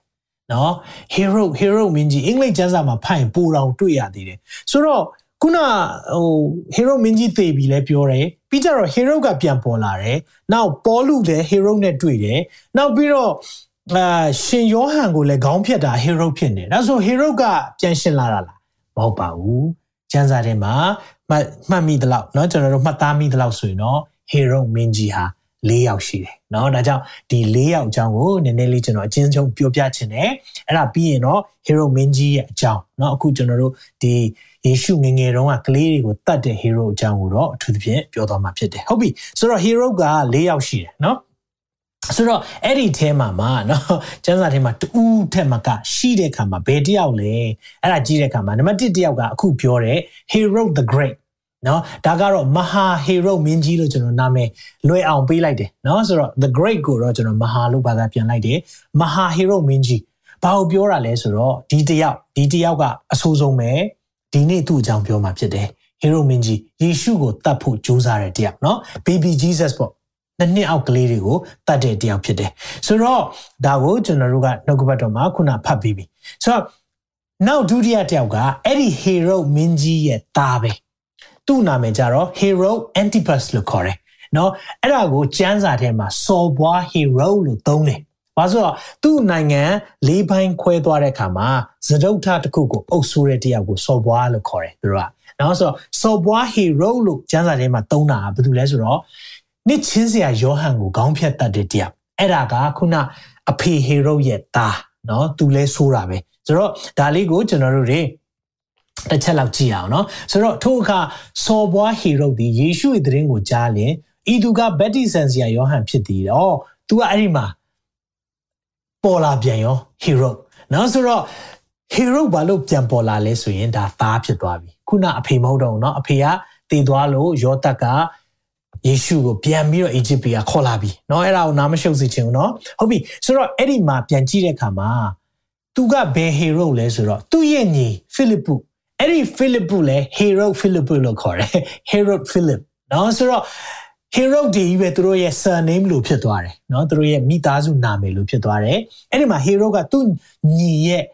အမျိုးသမီးဖြစ်တဲ့เนาะသူကိုလက်ထပ်တဲ့ခါမှာအာရှင်ယောဟန်ပြောတယ် no ဒါလက်မထပ်သင့်ဘူးเนาะဒါဒါကျန်းစာနဲ့မကိုက်ဘူးစသဖြင့်လို့ပြောတဲ့ခါမှာနောက်ဆုံးပါလောက်လိုက်လဲဆိုတော့အာအဲ့ဒီမှာ နှစ်ချင်းဆရာယောဟန်ကိုခေါင်းဖြတ်တတ်လိုက်တယ်နော်အဲ့ဒီတယောက်ကတာဟီရိုဟီရိုအန်တီပါအန်တီပါလို့ခေါ်တယ်နော်အန်တီပတ်တယောက်ဖြစ်တယ်ဆိုတာကိုအဲ့ဒါကိုပြောပြချင်တယ်ဒီဟီရိုပဲဘယ်သူနဲ့တွေ့သေးလဲဆိုတော့သခင်ယေရှုကိုနော်စစ်စေးမီးမြန်းတဲ့တယောက်လည်းဖြစ်တယ်နော်အဲ့ဒီဟာလေးကိုကျွန်တော်ဒီမှာကြည့်ကြည့်အောင်ရှင်လူကခရစ်ဝင်ကျမ်း23ထဲမှာပါတဲ့တယောက်ဟီရိုမင်းထံသို့ပို့ဆောင်ခြင်းဟောခုနတုန်းက သူငငယ်တုန်းကနှစ်နှစ်အောက်မှာတတ်တဲ့တယောက်မဟုတ်ဘူးเนาะသား hero အဲ့ဒီသား hero ကဒီမှာနော်ရှိတယ်ဆိုတော့အဲ့မှာပိလက်မင်းဆိုတာလည်းပြန်ပေါ်လာပြန်ရောဆိုတော့ခုနပြောတဲ့နော်တိုင်းပြည်လေးပိုင်းမှာသားလေးရအုပ်ချုပ်ပေမဲ့အဲ့ဒီတတိယသားကသူ့ရဲ့အုပ်ချုပ်ပုံကတိတ်အဆင်မပြေတဲ့ခါမှာယောမအစိုးရတွေကဘယ်သူနဲ့အစားထိုးလိုက်လဲဆိုတော့ပိလက်တို့နော်အာဖီလ စ်တို့တခြားသူတွေနဲ့အစားထိုးလိုက်တယ်ဆိုတော့ယူရာပီနော်ဂါလိလဲတို့ဘာလို့တော်တော်ကြီးတဲ့ခါမှာသူတို့အပိုင်းလေးတွေခွဲခွဲပြီးတော့အုပ်ချုပ်ကြတယ်ဒါလေးကိုသိစေချင်တယ်အဲ့ဒီထဲမှာမှတပိုင်းကိုအခုဒီပိလမင်းကအုပ်ချုပ်တယ်အဲ့ဒီနောက်ပြီးရင် hero မင်းကလည်းအုပ်ချုပ်တယ်ဆိုတော့သူတို့ကတယောက်နဲ့တယောက်เนาะဒီဒီကိစ္စကိုဖြေရှင်းတဲ့ခါမှာဗာပြောလဲဆိုတော့ပိလမင်းဒီဂါလိလဲဟူသောစကားကိုကြားလဲ ထိုးသူဒီဂါလိလဲလူဖြစ်တယ်လို့မေးတယ်ဆိုတော့ဂါလိလဲကလာတာလားပိလမင်းပိုင်တော်သူဖြစ်သည်ကို hero မင်း sorry hero မင်းပိုင်တော်သူဖြစ်သည်ကထိုမင်းတို့ပို့စီတယ်ဆိုပြောချင်တာပါလဲဆိုတော့ယေရှုရဲ့အမှုကိုစစ်ဆေးတော့ဒါဂါလိလဲကပဲเนาะနာဇရက်မြို့ဆိုတာဂါလိလဲကလားဒါဆိုရင်အော်ဒါဆိုငါနဲ့မဆိုင်ဘူးငါပြည်နယ်မဟုတ်ဘူးเนาะယူရာပြည်တော့ဟုတ်ပေမဲ့အပိုင်းခွဲပြီးအုပ်ချုပ်တယ်เนาะအဲ့ဒီခါမှာပီလာက no ဒါဆိုရင်ငါနဲ့မဆိုင်ဘူး hero မင်းရဲ့နယ်ဘက်ကဖြစ်တယ်ဆိုပြီးတော့ယေရှုရဲ့ကိစ္စအားလုံးလက်လွှဲလိုက်တဲ့သဘောဖြစ်တယ်အဲ့မှာတွေ့ရတယ်အဲ့ဒီမှာထိုမင်းထိုမင်းဒီယေရှုကိုမြင်လေအလွန်ဝမ်းမြောက်ခြင်းရှိတဲ့အကြောင်းမူကားဘာကြောင့်လဲဆိုတော့ပြောထားတယ်အထက်ကသတင်းတော်များကိုကြား၍ကိုရောကိုမြင်ခြင်းကကြာမြင့်စွာအလိုရှိသည်ဖြစ်၍ပြတော်မူသောနမိတ်လက္ခဏာတစ်စုံတစ်ခုကိုမြင်ရမည်ဟုမျှော်လင့်လင့်နေယေရှုကနမိတ်လက္ခဏာတွေအများကြီးပြတယ်ဆိုတော့ तू ကကြားတော့အဲ့ဒါတွေ့ရမလားဆိုပြီးစိတ်ပျော်တယ်တဲ့ နော်ဒီတယောက်ဟေရုမင်းကထိုကဟေရုမင်းဒီကိုရောကိုများစွာမေးမြန်းတော့လဲစကားမပြောယေရှုကဘာမှပြန်မပြောတဲ့အခါမှာအဲ့ဒီမှာယေဘရဟိဒီကျမ်းပြူစရာတွေကစိတ်ဆိုးကြတယ်နော်ဒါဟေရုဒါနော်သားဟီရိုလို့မှတ်ထားပေးပါ။ကဲ now hero တယောက်လာပြန်တော့အဲ့ဒီ hero ကြတော့မြေး hero နော်နောက်မြေးရောက်လာပြီမြေးလက်ထက်။မကြောင့်သားတွေအများများလဲပြောပြမယ် hero မင်းကြီးမဟာ hero မင်းကြီးမှာ ဇနီးပေါင်းနော်တရဝင်းဇနီးပေါင်း10ယောက်ရှိတယ်10ယောက်ဆိုတော့သားတွေအများကြီးရှိမယ်ဆိုတာသိကြတယ်နော်ဆိုတော့10ယောက်ဆိုတော့အဲ့ဒီထဲကနေသားတွေကအများကြီးอ่ะသူတည်တဲ့ခါမှာနော်ထီးနန်းနေခွဲကြတယ်မြေတွေခွဲခြားပြီးတော့အုပ်ချုပ်တာနော်ဆိုတော့အခုကျွန်တော်တို့အဖေ hero ပြောသွားပြီးသား hero ပြောပြီးအခုမြေး hero ကိုပြောပြမယ်ဆိုတော့ဒီမြေး hero ကြတော့ဘသူ့ကိုစီရင်တဲ့တယောက်လဲဆိုတော့ ဒီဒီတပည့်တော်ဖြစ်တဲ့ယာကုပ်နော်အဲချစ်တပည့်တော်၁၂ဖော်တွေကတယောက်ဖြစ်တဲ့ယောဟန်ယောဟန်နဲ့ညီကိုနော်အာထဲကတယောက်ကိုတတ်တဲ့တယောက်ဖြစ်တယ်အဲ့ဒါကိုကျမ်းစာထဲမှာဗာတွေ့ရတယ်တမန်တော်နှစ်ထဲမှာပါတဲ့ hero ဖြစ်တယ်နော်ထို့က hero မင်းကြီးဒီတင်းဝေသူအချို့တို့ကိုညှင်းဆဲခြင်းကစင်ဒီမှာလဲ hero ပြန်ပါပြန်ပြီဆိုတော့ဘာလို့နော်ခဏခဏပေါ်လာလဲသူတို့တွေကအဲသားတွေမြစ်တွေမြေးတွေဖြစ်လို့ပေါ်လာတယ်ဆိုတော့သိစေချင်တယ်အခု ယောဟန်အကိုဖြစ်တော့ယာကုပ်ကိုဓာတ်နဲ့ကွပ်မြစ်တယ်ဆိုတော့ဒါယောဟန်ရှင်ပေကျူယာကုပ်ယောဟန်เนาะအဲ့ဒီ၃ယောက်ထဲကယာကုပ်ကိုဓာတ်နဲ့ကွပ်မြက်လိုက်တာဆိုတော့အဲ့ဒီမှာယူရလူတွေကဝမ်းသာတယ်လို့ပြောတဲ့ခါမှာ तू ကယူရလူတွေစိတ်ကျဉ်အောင် तू လှုပ်ပေးချင်တာအဲ့လိုလှုပ်ပေးချင်တဲ့ခါမှာသူ့ကိုစီရင်ပလိုက်တယ်အဲ့ဒါကိုတွေ့တော့လူတွေကယူရလူတွေကဝမ်းသာတယ် ဘာလို့ဝမ်းသာလဲပြောပြမယ်အဲ့ဒီတုန်းကဂျူးတစ်ဖွဲ့ရှိတယ်ဂျူးထဲမှာပဲခရစ်တော်ကိုလက်ခံတဲ့အဖွဲ့တွေရှိတယ်နော်ဂျူးဘာသာနဲ့ Judaism ပုံမှန်သွားနေကြတနည်းအားဖြင့်ကျွန်တော်တို့ဓမ္မဟောင်းပေါ့နော်အခုဂျူးလူမျိုးတွေကိုးကွယ်တဲ့ဘာသာ Judaism ကိုကိုးကွယ်တဲ့အဖွဲ့ရှိတယ်အဲ့ဒီအချိန်မှာခရစ်တော်နောက်လိုက်တဲ့အဖွဲ့တွေရှိတယ်ဂျူးတွေပဲအဲ့လိုဖြစ်လာတဲ့အချိန်မှာဒီခရစ်တော်နောက်လိုက်တဲ့ထဲကယာကုပ်ကိုမြေ hero နော် hero antipa နော် အဲ hero hero hero uh, agrippa agrippa နော်အမြန်မာလိုဘယ်လိုဖတ်လဲဆိုတော့ကျွန်တော်ခဏနေပြပြမယ်နော်ဆိုတော့ဒီဒီတယောက်ပဲဖြစ်နေတယ်ဆိုတော့အဲ့ဒီမှာကြည့်တဲ့အခါမှာယာကုပ်ကိုဓာတ်နဲ့ကုတ်မြတ်တော့ဟာလူတွေပြောတာမြင်တော့ပေဂျီကိုလည်းဖမ်းပြီးတော့သူတို့စီရင်မလို့လုပ်ပေမဲ့အဲ့ဒီမှာပေဂျီကိုလွတ်မြောက်သွားတယ်ဆိုတာကိုကျွန်တော်တို့တမန်တော်7နှစ်ထဲမှာတွေ့ရနိုင်မယ်နော်ဟုတ်ပြီနောက်ပြီးရင် now hero နောက်တယောက်ရှိတယ်ဒီတယောက်ကြတော့ မြစ်မြစ်ပေါ့နော်ဆိုတော့သူတို့က၄ဆက်လောက်နော်ယူရနယ်ကိုအုပ်ချုပ်ခဲ့တာဖြစ်တယ်အဲ့ဒီတယောက်ကြတော့ရှင်ပေါလုရဲ့အမှုကိုစီရင်တဲ့တယောက်ဖြစ်တယ်ဆိုတော့ရှင်ပေါလုကိုအမှုကိုစီရင်တာကိုကျွန်တော်ဘယ်မှာတွေ့ရလဲဆိုတော့တမန်တော်26ထဲမှာတွေ့ရတယ်ဆိုမှဆိုဘာပြောရဲဆိုတော့ Agrippa နော်အင်္ဂလိပ်လို Agrippa မြန်မာလိုတော့အဂိပနော်အဂိပလို့ပဲဖတ်မယ်ထင်တယ်နော်အဂိပမင်းရှိပေါလုခြေပခြင်းဆိုပြီးတော့အဲ့ဒီမှာအဲ့ဒီ Agrippa ဆိုတာလေ hero ပဲနော်ဆိုတော့ မြစ် hero ဖြစ်သွားပြီလေးဆက်ဖြစ်သွားပြီနော်ဆိုတော့ထို့ကအဂရိပမင်းသည်ဆိုပြီးတော့เนาะအဲ့ဒီမှာကျွန်တော်တို့တွေ့ရတယ်เนาะကျွန်တော်အများကြီးမပြောတော့ဘူးဒါပေမဲ့ hero ပေါ်ပေါ်လာတယ်ဆိုရင်နားလေစီချင်တာကကျွန်တော်တို့ဘယ်တယောက်ကိုပြောတာလဲဆိုတာကိုသိဖို့လိုတယ်ဒါပေမဲ့ဒီနေ့ပြောမယ့်တယောက်ကဒီ hero မဟာ hero မင်းကြီးပထမအဆုံးတယောက်เนาะအဲဒီဒီတယောက်ဥဆောင်တဲ့တယောက်သခင်ယေရှုမွေးတဲ့အချိန်မှာပညာရှိတွေနဲ့တွေ့သွားတဲ့တယောက် နှစ်နှစ်အောက်ကလေးတွေကိုတတ်တဲ့တရားကိုပြောချင်တာဖြစ်တယ်เนาะဒါလေးကိုဒီနေ့မှာကြိုပြီးပြောပြချင်တယ်အဲ့မှာဆက်ကြည့်တဲ့အခါမှာဗာတွေ့ရလဲဆိုတော့ဒီ hero နဲ့ပတ်သက်ပြီးတော့ကျွန်တော်က P เนาะ P ၃ခုတွေ့တယ်နံပါတ်1က power နံပါတ်2ကအဲ possession နံပါတ်3က pride ဆိုတော့ဒီလူကဘယ်လိုလူမျိုးလဲဆိုတာကျွန်တော်တစ်ချက်လောက်ပြောပြချင်တယ်သူ့အကြောင်းကိုသင်ကြားရဲဆိုရင်အံ့ဩလိုက်မယ်เนาะဆိုတော့ a man of power လို့ပြောတဲ့အခါမှာ तू ကဩဇာအာဏာရှိတာလည်းမပြောနဲ့ဘယ်လိုလူမျိုးလဲဆိုတော့ကြည့်တဲ့အခါမှာဒါ hero ရဲ့ပြန်လည်တိဆောက်ပေးထားတဲ့ယေရုရှလင်မြို့ကဗိမာန်တော်ဖြစ်တယ်။ဒါကတော့သူတို့ပြန်ပြီးတော့เนาะဟိုဒီဇိုင်းပြန်လုပ်ထားတာပေါ့။အဲ့ဒီတုန်းကရှိခဲ့မဲ့ပုံစံဖြစ်တယ်ဆိုပြီးတော့ဒါကိုတွေ့ရတယ်။ဆိုတော့အခုကြည့်တဲ့အခါမှာ hero ရဲ့ temple ထဲမှာเนาะဆိုတော့အခုဒါကဒုတိယဗိမာန်လို့ခေါ်တယ်။ပထမဗိမာန်တော်ကိုရှောလမုန်မင်းကြီးကတည်ဆောက်ခဲ့တယ် နော်ဒါဝိတ်ကိုဘုရားဆောက်ခွင့်မပေးဘူးရှောလမုန်ကိုတိဆောက်ခိုင်းတယ်အဲ့ဒီအရာပြီးသွားတယ်အဲ့ဒါဘာဘူးလုံတွေကဖျက်ဆီးသွားတယ်ရွှေတွေကိုအကုန်ယူသွားတယ်အဲ့ဒါပြီးတော့သူတို့ပြန်ပြုတ်ပြင်တာရှိတယ်ဒါပေမဲ့ပြန်လဲပြီးတော့အဲ့ဒီဒီထက်ကောင်းအောင်ပြန်တိဆောက်တာခုနဒုတိယဗိမာန်ဖြစ်တဲ့ hero တိဆောက်တဲ့ဗိမာန်ဖြစ်တယ်ဒါပေမဲ့ hero မင်းကြီးကဘာကြောင့်အဲ့လိုတိဆောက်လဲဆိုတော့သူက power တိဆောက်တဲ့သူဖြစ်တယ်အာနာယာဒူဆိုတော့သူကတကယ်တော့ ယောမယောမအလိုကြနော်ပြောမယ်ဆိုရင်ယောမတွေကိုမျက်နာလောက်တတ်တယ်နိုင်ငံရေးကျွယ်ဝတယ်ဆိုတော့ तू ကသူ့အကြောင်းလေ့လာတဲ့ခါမှာ तू ကဂျူးမဟုတ်ဘူးသူ့အဖေက Edomite Edomite ဆိုတာကအေဒုံအမျိုးသားတွေနော်တနည်းအားဖြင့်နော်ဂျော်ဒန်ဖက်ကလာတဲ့ဟာဖြစ်တယ်သူ့မိခင်ကလည်းအာရဗ်နော်ဆိုတော့နော်အာရဗ်အာရဗ်တွေအစ္စမီလိုက်ဆိုတာတော့ဒီ အာအီရှမဲလ်အမျိုးတွေကနေเนาะကျွန်တော်တို့လာတဲ့အဲ့ဒီဘက်ကနေအနွယ်ဖြစ်နေတယ်ဆိုတော့သူကတကယ်တော့ဂျူးစစ်စစ်မဟုတ်ဘူးဒါပေမဲ့ဂျူးတွေရဲ့ထုံနှန်းစင်လာတဲ့ဂျူးဘာသာဝင်တယောက်ဖြစ်တယ် ဆိုတဲ့အခါမှာသူ့အနေနဲ့တော့ဒါလှုပ်လို့ကောင်းတဲ့အရာဖြစ်တယ်ဆိုတာနိုင်ငံရေးထဲမှာသူစပြီးလှုပ်တဲ့အခါမှာသူ့ရဲ့ power ပြချင်တဲ့အခါမှာနောက်ဂျူးတွေရဲ့ထောက်ခံချက်ရချင်တဲ့အခါမှာဗိမာန်တော်တွေပိုင်းတိဆောက်ပေးတာတော့เนาะသူအမျိုးမျိုးလှုပ်တယ်ဆိုတော့ဒါပဲတိဆောက်တာမဟုတ်ဘူးသူကဗိမာန်တော်တိဆောက်တဲ့အခါမှာတော့ကျွန်တော်ထင်ပါဘောအာသူဖះကိုအရန်ချစ်တဲ့သူဖြစ်တယ်အဲ့လိုမဟုတ်ဘဲနဲ့ तू ကဘာတွေတိဆောက်သေးလဲဆိုတော့ပြာဇက်ယုံတို့ကပွဲယုံတို့ဈေးတို့နန်းတော်တို့ပြီးရင်ဒီအာတပားအမျိုးသားเนาะဒီ pagan ဆိုတာတော့ဒီနတ်ကိုးကွယ်တဲ့သူတွေရဲ့ဗိမ္မာန်တွေလဲနတ်ဖျားတွေလဲသူကတိဆောက်ပေးတယ်ပြောချင်တာကတော့သူကတော့နိုင်ငံရေးလုပ်တာဆိုတော့သူက man of power တကယ်ကိုအာနာရှင်ဩဇာအာနာကြီးကျင်တဲ့ခါမှာဒါတွေကိုသူလှုပ်ခဲ့တာဖြစ်တယ်ဆိုတော့ဒါတွေကိုသူလှုပ်တော့ man of power လို့ကျွန်တော်သိရတယ်နောက်တစ်ခုသူတွေ့ရတာဗာလဲဆိုရင်တော့အဲဒီမှာသူ့ရဲ့เนาะဒီမှာအခု Israel နိုင်ငံကိုသွားမယ်ဆိုရင်ဒီရဲ့ Western Wall ဆိုတာအနောက်ဘက်တတိုင်းလို့ခေါ်တဲ့နေရာကိုကျွန်တော်သွားလို့ရတယ်။နော်ဒါဗိမာန်တော်ရဲ့နေရာလေးကြံခဲ့တဲ့ဟာလေးခုနဟေရုတ်တိဆောက်ခဲ့တဲ့နော်ဟေရုတ်မင်းကြီးရဲ့လုပ်ခဲ့တဲ့ဗိမာန်တော်ရဲ့အနောက်ဘက်တတိုင်းလေးအခုဒီနေရာလေးပဲအဲ့ဒီမှာ Wailing Wall လို့ခေါ်တယ်ငိုကြွေးခြင်းပါမိတန်းခြင်းငိုကြွေးမိတန်းခြင်းတတိုင်းလို့ခေါ်တယ်အဲ့ဒီမှာသွားပြီးတော့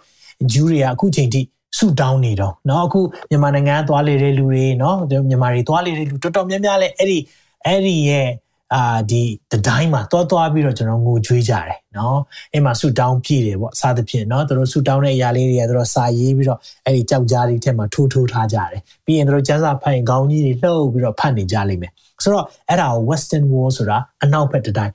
ဒါအခုဒီကြံခဲ့တဲ့တတိုင်းတော့ဒီလောက်ကြီးမားခံခံ ခံနာထဲဝါတယ်ဆိုရင်တော့တကယ်တမ်းရှိခဲ့တဲ့အရာကเนาะသူတို့ကွန်ပျူတာနဲ့ပုံဖော်တဲ့အခါမှာအခုလိုမျိုးရှိခဲ့လိမ့်မယ်ဆိုပြီးတော့ဒါကိုတွေ့ရတယ်ဆိုတော့ဒီဒီ hero မင်းကြီးမဟာ hero ပေါ့နော်ဒါကြောင့် तू ကသူ့နာမည်ဟိုအားလုံးက hero the great မဟာ hero မဟာ hero ဆိုပြီးတော့တင်တင်စားပြီးတော့ပြောတာပေါ့နော်ဆိုတော့ तू က man of power ပြီးရင်သူကပိုင်ဆိုင်မှုများစွာရှိတယ် man of possession ဆိုတာသူ့မှာပိုင်ဆိုင်မှုများတဲ့အရာဖြစ်တဲ့အခါမှာသူအာဏာရှိတယ်လုံပိုင်ခွင့်ရှိတယ်เนาะတော်တော်များများကိုသူကဒီနိုင်ငံရေး politics ကိုအရန်ကျွမ်းကျင်တဲ့သူဖြစ်တယ်ဆိုတာသိရတယ်ဒါပေမဲ့တစ်ချိန်တည်းမှာပဲသူဟာ a man of pride မာနထောင်လွှာသောသူလည်းဖြစ်တယ်ဘလို့သိလဲသူမာနထောင်လွှာဆိုတာဘလို့သိလဲဆိုတော့เนาะမေရှိယမွေးပါမယ်ခရစ်တော်မွေးပါမယ်ဆိုတဲ့ဟာသိပေမဲ့ သူဖူးမြော်ခွင့်ရပေမဲ့မဖူးမြော်ဘူးဘာလို့လဲရှင်းပြချင်တာနော်သူ့ရဲ့နိုင်ငံသူ့ရဲ့သူ့ရဲ့တိုင်းပြည်ကိုလာထိခိုက်ပြီးသူ့ရဲ့ position သူ့အာဏာကိုလာထိခိုက်နေပြီလို့သူခံယူတဲ့အတွက်ကြောင့်မလို့ဒီမှာလာပြီးတော့เนาะတွေ့ရတယ်ဆိုတော့အံ့ဩဖို့ကောင်းတာဖယားကလေသူ့ရဲ့အမှုရာပြည့်စုံဖို့ရန်အတွက်เนาะလူတိုင်းကိုသုံးသွားတယ်သုံးသွားတယ်ယူရရှာကိယုဆိုလဲသုံးနှစ်သုံးမို့သခင်နောက်လိုက်ပြီမဲ့ သစ္စာဖောက်ခြင်းနဲ့သုံးသွားတယ်။ဒါပေမဲ့အဲ့ဒီသစ္စာဖောက်ခြင်းအဖြစ်လေနော်အားလုံးဟာဇက်အိမ်ထဲမှာဇက်ဇက်လန်ထဲမှာအကုန်လုံးအကွက်ကျသလိုဖြစ်နေတယ်။ထိုနည်း၎င်းမဲ့ဒီ Christmas ဇက်လန်ထဲမှာလေ hero မင်းကြီးလုပ်တဲ့အရာတွေအကျမ်းစာပြည့်စုံအောင်လုပ်ခဲ့တဲ့သူလည်းပါတယ်သူ။မကောင်းတဲ့ဖက်ကပေါ့။ဆိုတော့အဲ့ဒီမှာသူ့အားဖြင့်ကျမ်းစာပြည့်စုံတဲ့အရာဘာပါလဲဆိုရင်နော်ကျွန်တော်ကျန်ပိုက်နှစ်ပိုက်ပေးမယ်နော်ဆိုတော့ဓမ္မဟောင်းထဲကကျမ်းချက် နှစ်ချက်သူ့အားဖြင့်ပြည့်စုံတယ်နံပါတ်1ကဘာဘာနဲ့ပြည့်စုံသွားလဲဆိုတော့ယေရမိ31အငယ်15မှာသာရဖျားမိန်တော်မူဒီကနော်ယာမအရ၌သဲစွာသောညီးတွားငိုကြွေးတဲ့ငိုကြွေးခြင်းအတန်ကိုကြားရ၍ယာခီလာသည်ဆိုယာခီလာလို့ပြောတိုင်းဒါကအာယာကုပ်ရဲ့မိန်းမနော်ဆိုတော့မိမိမိမိသားတော့မရှိတော့ကြောင်းငို၍စိတ်မပြေနိုင်ဆိုတော့ပြောချင်တဲ့သဘောကဘာလဲဆိုတော့ဒီအရာကဘာကိုပြောချင်တာလဲဆိုတော့ ငိုကြွေးကြတယ်ကလေးတွေတတ်ခံရတဲ့ခါမှာငိုကြွေးကြတယ်ဆိုတာကိုကျွန်တော်တို့ကအာဒီဂျမ်းပိုက်ပြည့်စုံဖို့ရန်အတွက်သူ့ရဲ့မာနနဲ့သူ့ရဲ့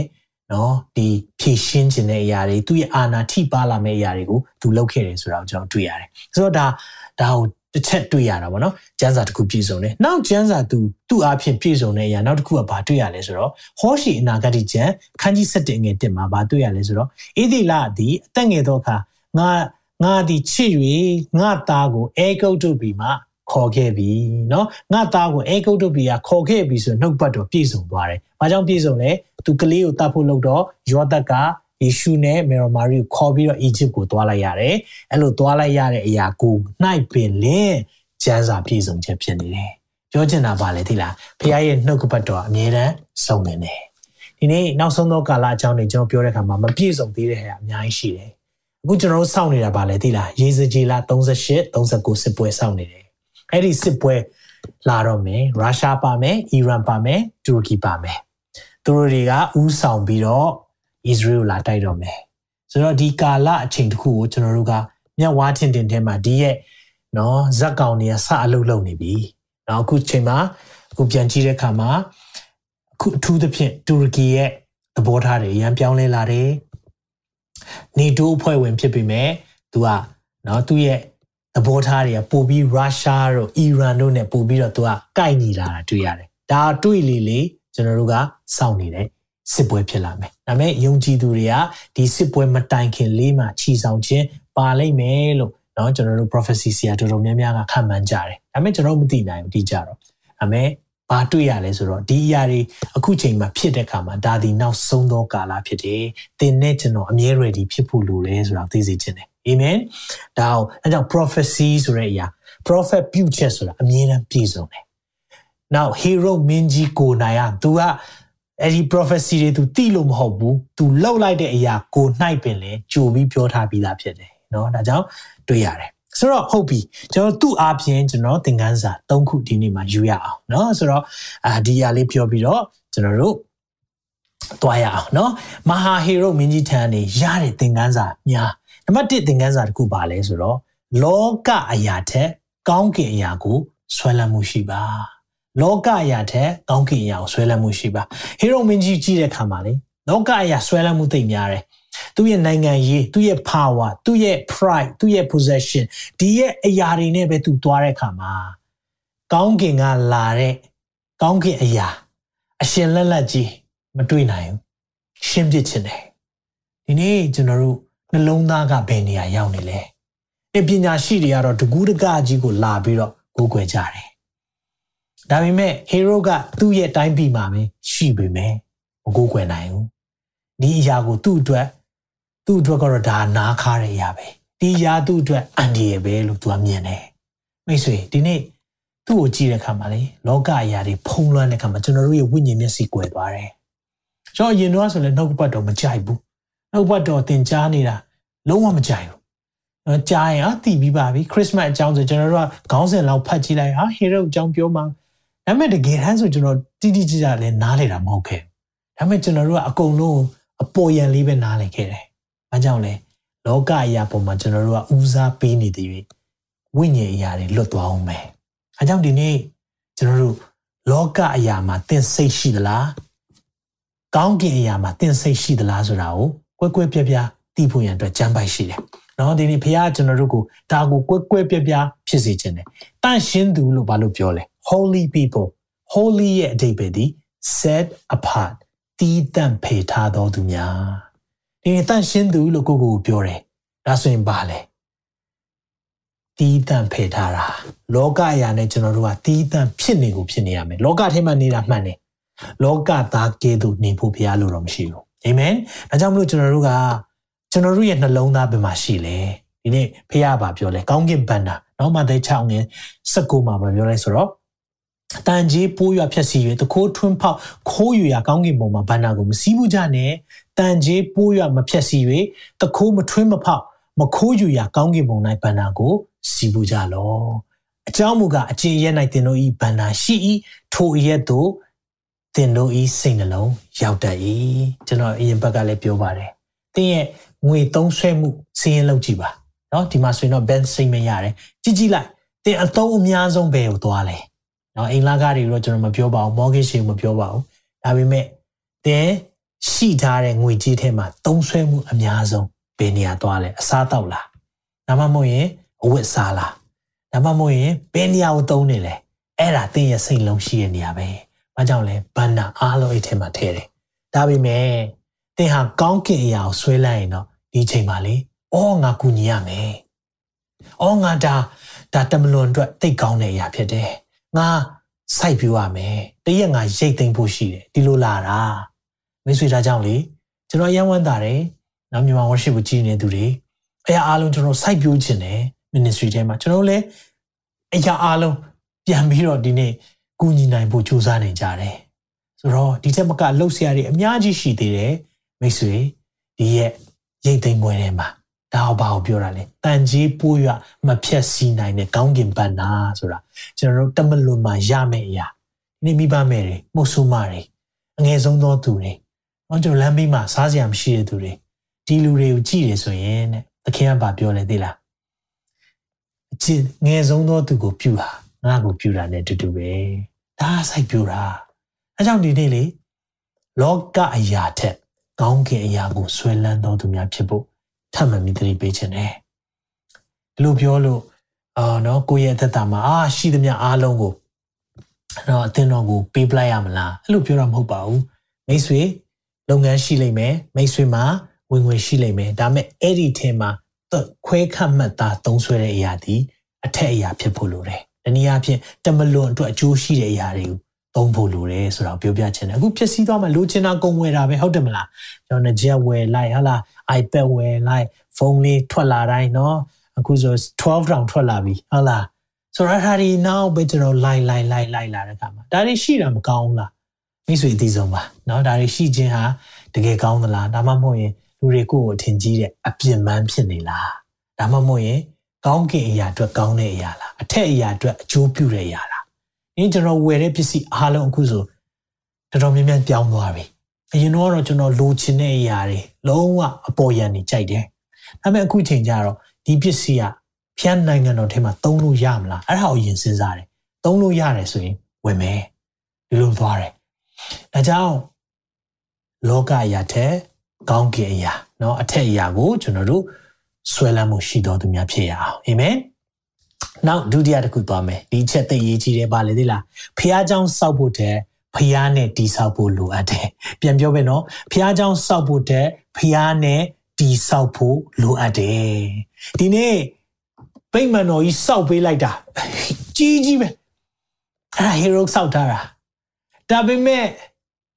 အိမ်တော့စောက်တယ်အိမ်ရှင်ကိုသူမသိဘူးဝမ်းနေဖို့သိကောင်းတယ်။ဘာကြောင့်လဲအပေါ်ယံအောင်သူကြိုက်တာ။အပေါ်ယံအောင်တိတ်ပြီးတော့မွမ်းမံပြီးပြုပြင်ပြီးတော့ဒါလူတွေရဲ့စိတ်ကျဉ်နှံ့ဖို့သူလုပ်ပေမဲ့သခင်စိတ်ကျဉ်နှံ့ခြင်းကြတော့သူမရွေးချယ်ဘူး။ဟေရိုကိုကြည့်လိုက်ပါ။လူတွေဂျူးတွေနော်ဂျူးဘာသာဝင်တွေသူ့ကိုကျေးဇူးတင်ပါပေါ့။အာငါတို့ထေထေဝဝကြီးစောက်ပေးတယ်။ဒါမဲ့ King of the Jew တကယ်ယူရရှင်ပြန်အစ်စ်ကိုကြတော့သူတတ်ဖို့ကြိုးစားတယ်။ကြည်အောင်နော်။ညောင်ဖះเจ้าစောက်ဖို့ကအဲ့လောက်ရင်ကြီးဖះနဲ့တင်းသက်တာတိဆောက်ဖို့အရေးကြီးတယ်ဒီလိုပြောလို့ဖះเจ้าစောက်နေသူတွေကိုပုတ်ခတ်ပြောတာလုံးဝမဟုတ်ပါဘူးအပေါ်ယံကိုမလုံမိဖို့တတိပေးတာဖြစ်တယ်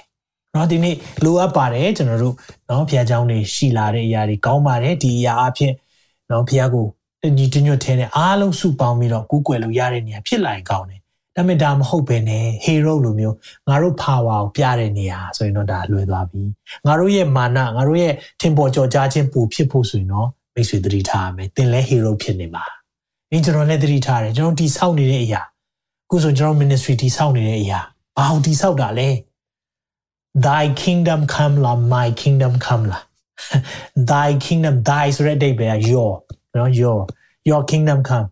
နော် ကိုရောရဲ့နိုင်ငံတော်တည်ထောင်နေတာလားကိုနိုင်ငံတော်တည်ထောင်နေတာလားကျွန်တော်ဒါဒါဒီနှစ်ခုကနော်ပပလေးနော်ဒီနှစ်ခုကြားလေးထဲမှာကျွန်တော်အသက်ရှင်တဲ့အခါမှာသတိထားပါ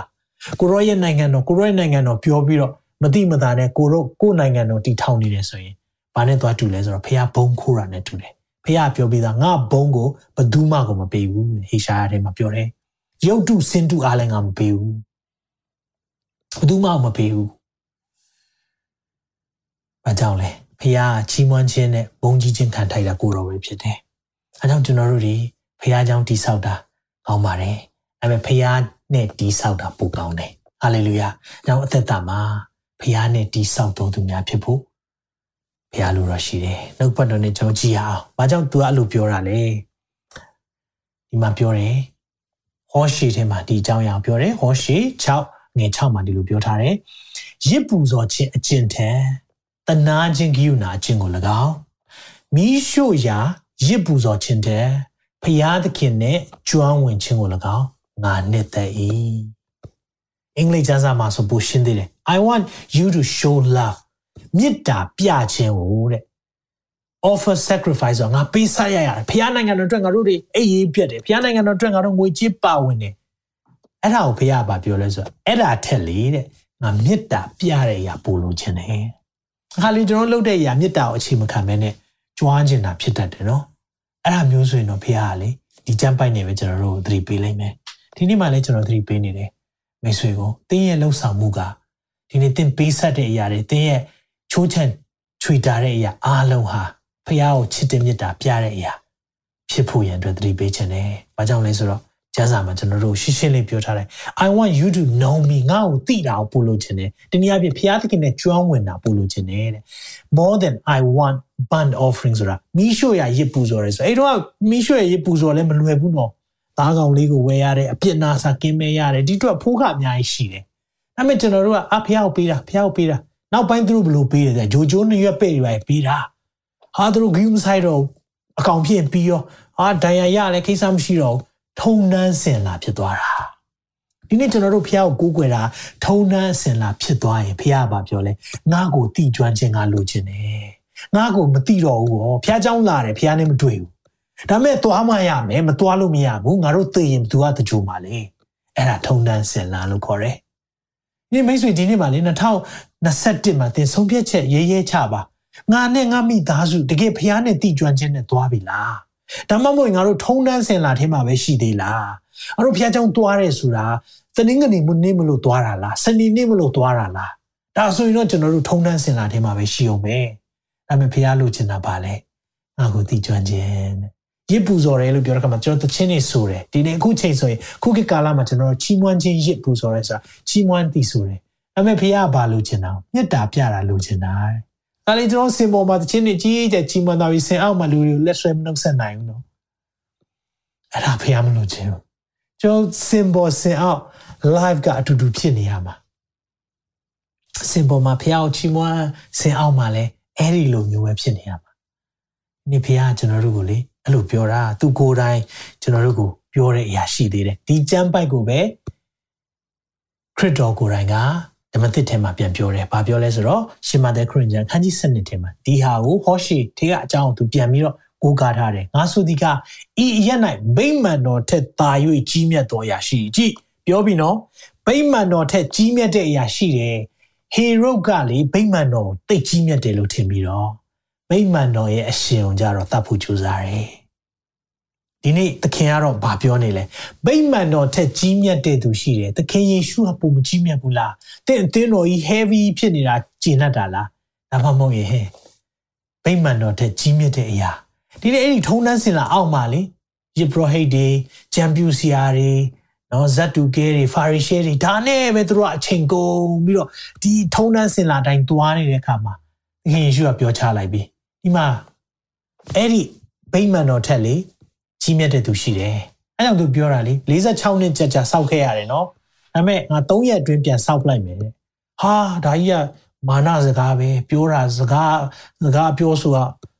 ကင်းရှုလို့ပြောတာစကားပြောဆိုတာအဆင်မပြေဘူး။သူပြောချင်တာသူ3ရက်မြောက်တော့နေမှာရှင်ပြန်ထမြောက်မယ်။သူပြောတာဒါပေမဲ့အဲ့တော့သူနားမလည်နိုင်ဘူး။ဒီမှာဘာပြောလဲဆိုတော့ရစ်ပူဇော်ခြင်းအကျင့်တဲ့တနာခြင်းအကျင့်ကို၎င်းငါနှစ်သက်တယ်။ရစ်ပူဇော်နေတာနဲ့ပဲအချိန်မကုန်ပါနဲ့ တနာခြင်းမေတ္တာပြတဲ့အရာတနာခြင်းပြတဲ့အရာပို့ပြီးလိုချင်တယ်အာမင်အဲကြောင့်ဒီနေ့သခင်တောင်းနေတဲ့အရာလေကျွန်တော်တို့ရဲ့အတွင်းထဲအရာတွေအပြင်ပန်းလုံးဝမဟုတ်เนาะအပြင်ပန်းကျွန်တော်တို့ပေးကမ်းတယ်အာတချို့တွေเนาะအထုတ်လိုက်တယ်လာပြီးပေးတယ်ဒါပေမဲ့သခင်ကပြောလဲဆိုမုတ်ဆိုးမပေးတာအများဆုံးဖြစ်နေတယ်ဟာဟိုကဘလို့ဖြစ်တာလဲငါတို့ဒီမှာအထုတ်လိုက်တယ်လာတဲ့လူတွေရှိတာမဟုတ်ဘူးတဲ့မုတ်ဆိုးမသူရှိတဲ့ဟာအလုံးပေးတာ ဖះမြင်တာလေပမာဏမဟုတ်ဖះမြင်တာဘာမြင်တာအောင်သိလားပမာဏလို့ပြောရင်တော့ကျွန်တော်များများပေးနိုင်တဲ့သူကဖះရှိမှလေများများမျက်နှာသာရတယ်လို့ဖြစ်သွားမယ်အဲ့လိုမဟုတ်ဖះတောင်းတာကြတော့နှလုံးသားနဲ့ပေးခြင်းမလူပဲမနေရနော်ကောင်းကြီးမရမှာဆိုလို့မလူမလူပဲမနေရတာမျိုးမဟုတ်ဘူးနှမျောသောစိတ်နဲ့လည်းမလူရဘူး ဘာကြောင့်လဲဆိုတော့စေတနာနဲ့နှလုံးသားပါပြီးစေတနာရှိတဲ့အလှူပဲဖခင်လက်ခံတယ်အာမင်နောက်ဆုံးချက်သွားရအောင်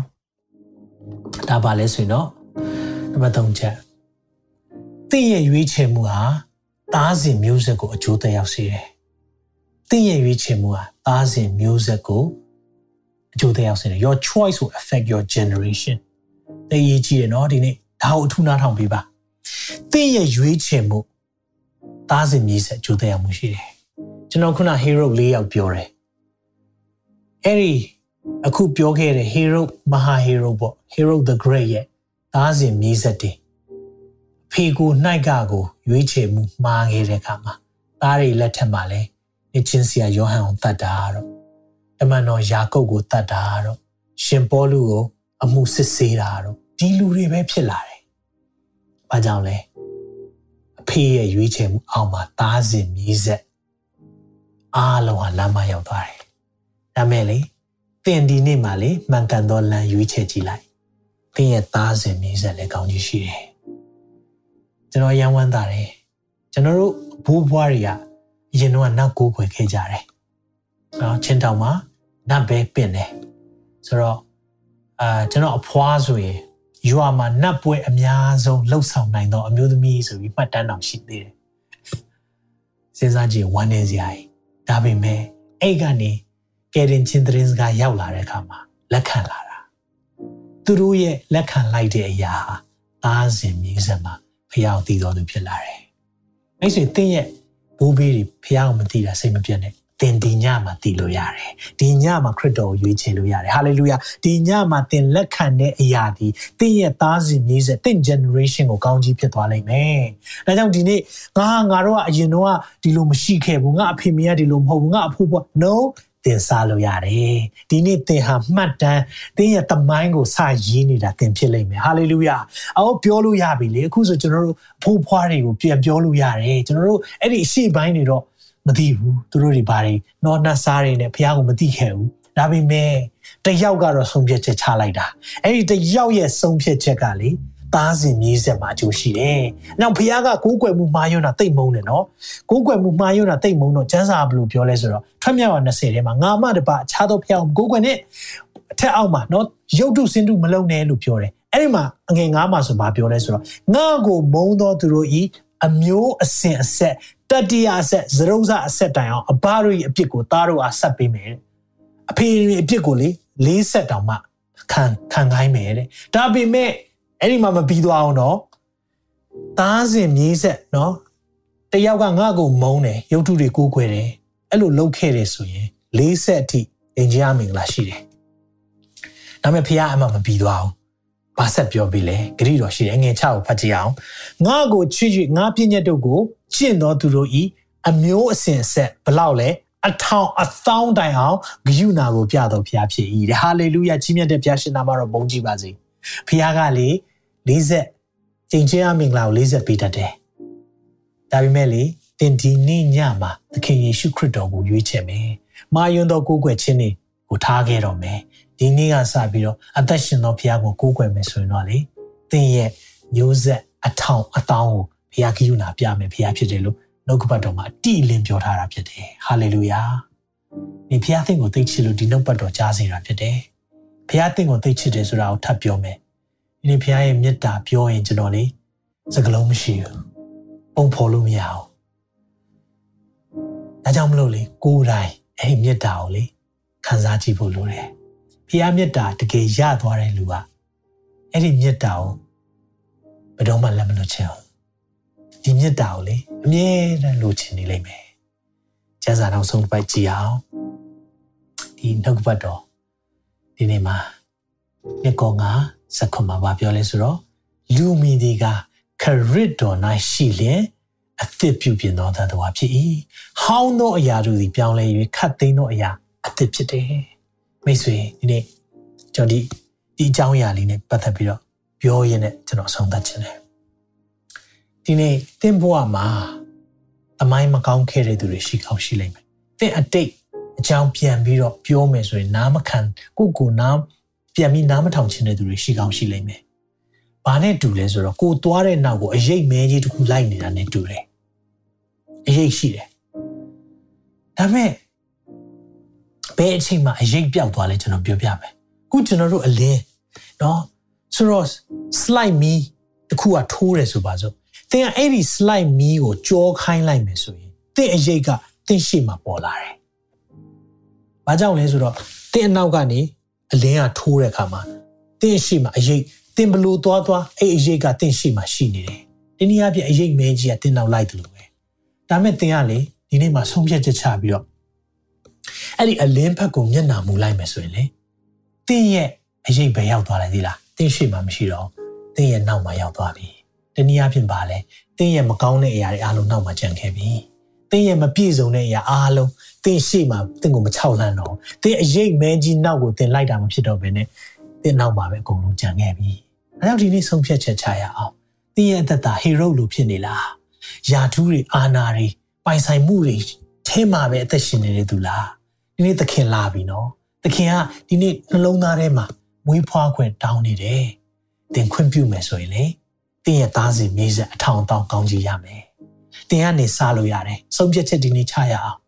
တချို့လူတွေဒီနေ့မှာဒုလောဒုလောဖြစ်နေလားဒီနေ့မှာဖခင်သင်ကိုပြောနေပြီသင်ရဲ့ဆုံးဖြတ်ချက်မှားသွား hero မင်း၄ဆက်ပဲရှိတယ်အဲ့ဒီ၄ဆက်ပြီးတော့ယောမတွေကသူတို့မိသားစုမကြိုက်တော့ဘူးသူတို့မျိုးဆက်တုံသွားတယ်ဒါပေမဲ့သူတို့၄ဆက်လုံး ဖခင်အခွင့်ပေးပါတယ်ကျွန်တော်တို့ပြန်ပြုတ်ပြင်မလားဆိုတဲ့အခွင့်ပေးတယ်ဒါပေမဲ့အဖေဟေရုကလေးကယေရှုငငယ်လေးကိုတတ်ချင်တယ်နော်ပြီးတော့သားဟေရုနေချင်းဆရာယောဟန်ကိုတတ်တယ်မြေဟေရုယာကုပ်ကိုတတ်တယ်မြင့်ဟေရုရှင်ဘောလူအမှုကိုစီရင်တယ်တကယ်ကြည်လိုက်တဲ့အခါမှာအမင်္ဂလာကြီးပဲဒီမိသားစုမှာပိုင်ဆိုင်မှုတွေများလားများတယ်ဒါပေမဲ့ အခုချိန်ထိသူတို့မှတ်မိတာပါလေသူတို့ရဲ့ရက်ဆက်ကြမ်းကြုတ်မှုပဲမှတ်မိတယ်ဒီနေ့တင့်ကိုလူတွေဘယ်လိုမှတ်မိစေချင်လဲသင်ဒီနေ့ဆုံးဖြတ်ချက်ချရအောင်ဒီနေ့သခင်ယေရှုခရစ်တော်ကိုလက်ခံမယ်သခင်ယေရှုနဲ့သွားမယ်ဆိုရင်တော့လေသင်ရဲ့အမိုင်းကြောင့်သင်ရဲ့အနာဂတ်အကုန်လုံးဘုရားတာဝန်ယူလိုက်မယ်သင်ဘာပဲဖြစ်ခဲ့ဖြစ်ခဲ့ဘုရားကလေဘုရားခွင့်မလွတ်နိုင်တဲ့အဖြစ်လုံးဝမရှိဘူး တင်ဘာပဲဖြစ်ခဲ့ဖြစ်ခဲ့ဖះခွလွတ်တယ်ငါတို့အဖြစ်ရှိစဉ်ပင်ခရစ်တော်သည်ငါတို့အဖြစ်ကြောင့်သိခံတယ်ဖះတင်ကောင်းလို့လို့အခုချိန်မှာနည်းနည်းပပနှုတ်ပတ်တော်တွေနားထောင်လို့တင်ချစ်တာမဟုတ်ဘူးတင်စုပ်ပြတ်တက်ပြီးတော့အပြစ်နွန်တဲ့နှစ်နေကြတဲ့ကတင်ကိုချစ်တာအဲ့ဒီမြတ်တာဒီနေ့မှာတင်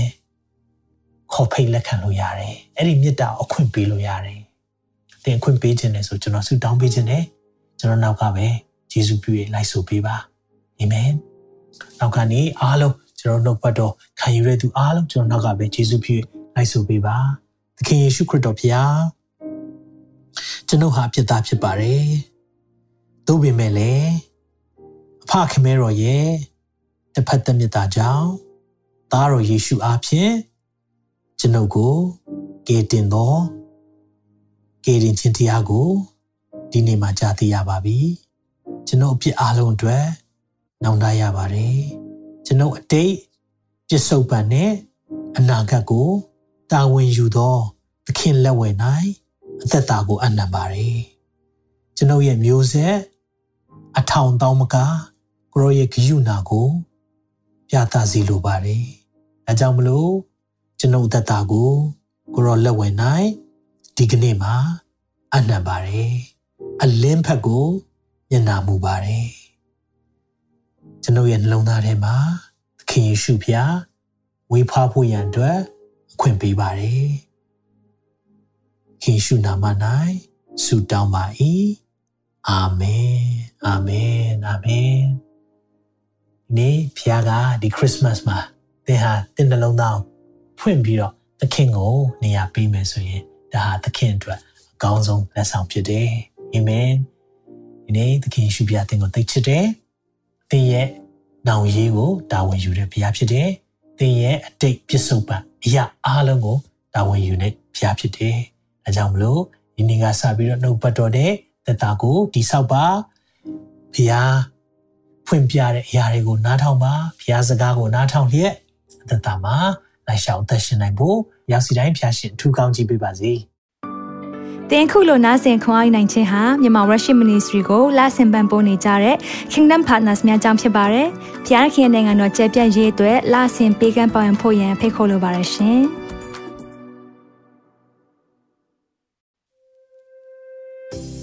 အခုကြားနာခဲ့ရတဲ့နှုတ်ပတ်တော်အဖြစ်ခွန်အားရရှိမယ်လို့ယုံကြည်မျှော်လင့်ပါတယ်ခွန်အားရဆိုလို့ရှိရင်ဒီတစ်ပတ်နဲ့ပြန်လည်ဝင်မြပေးဖို့ရန်တောင်းဆိုပါရစေ မြန်မာ Worship Ministry ရဲ့ website myanmarworship.com ကိုလည်းလာရောက်လေ့လာဖို့ရန်တွဲဖိတ်ခေါ်ချင်ပါတယ်။တချိန်ထဲမှာမြန်မာ Worship Ministry ရဲ့ social media platform များဖြစ်တဲ့မြန်မာ Worship YouTube Channel, မြန်မာ Worship Facebook Page နဲ့မြန်မာ Worship Instagram များကိုလည်းလာရောက်လေ့လာဖို့ရန်တွဲဖိတ်ခေါ်ချင်ပါတယ်။နောက်တစ်ချိန်မှာပြန်လည်ဆုံတွေ့ကြပါစို့။ဖျားရှင်ကောင်းကြီးပေးပါစေ။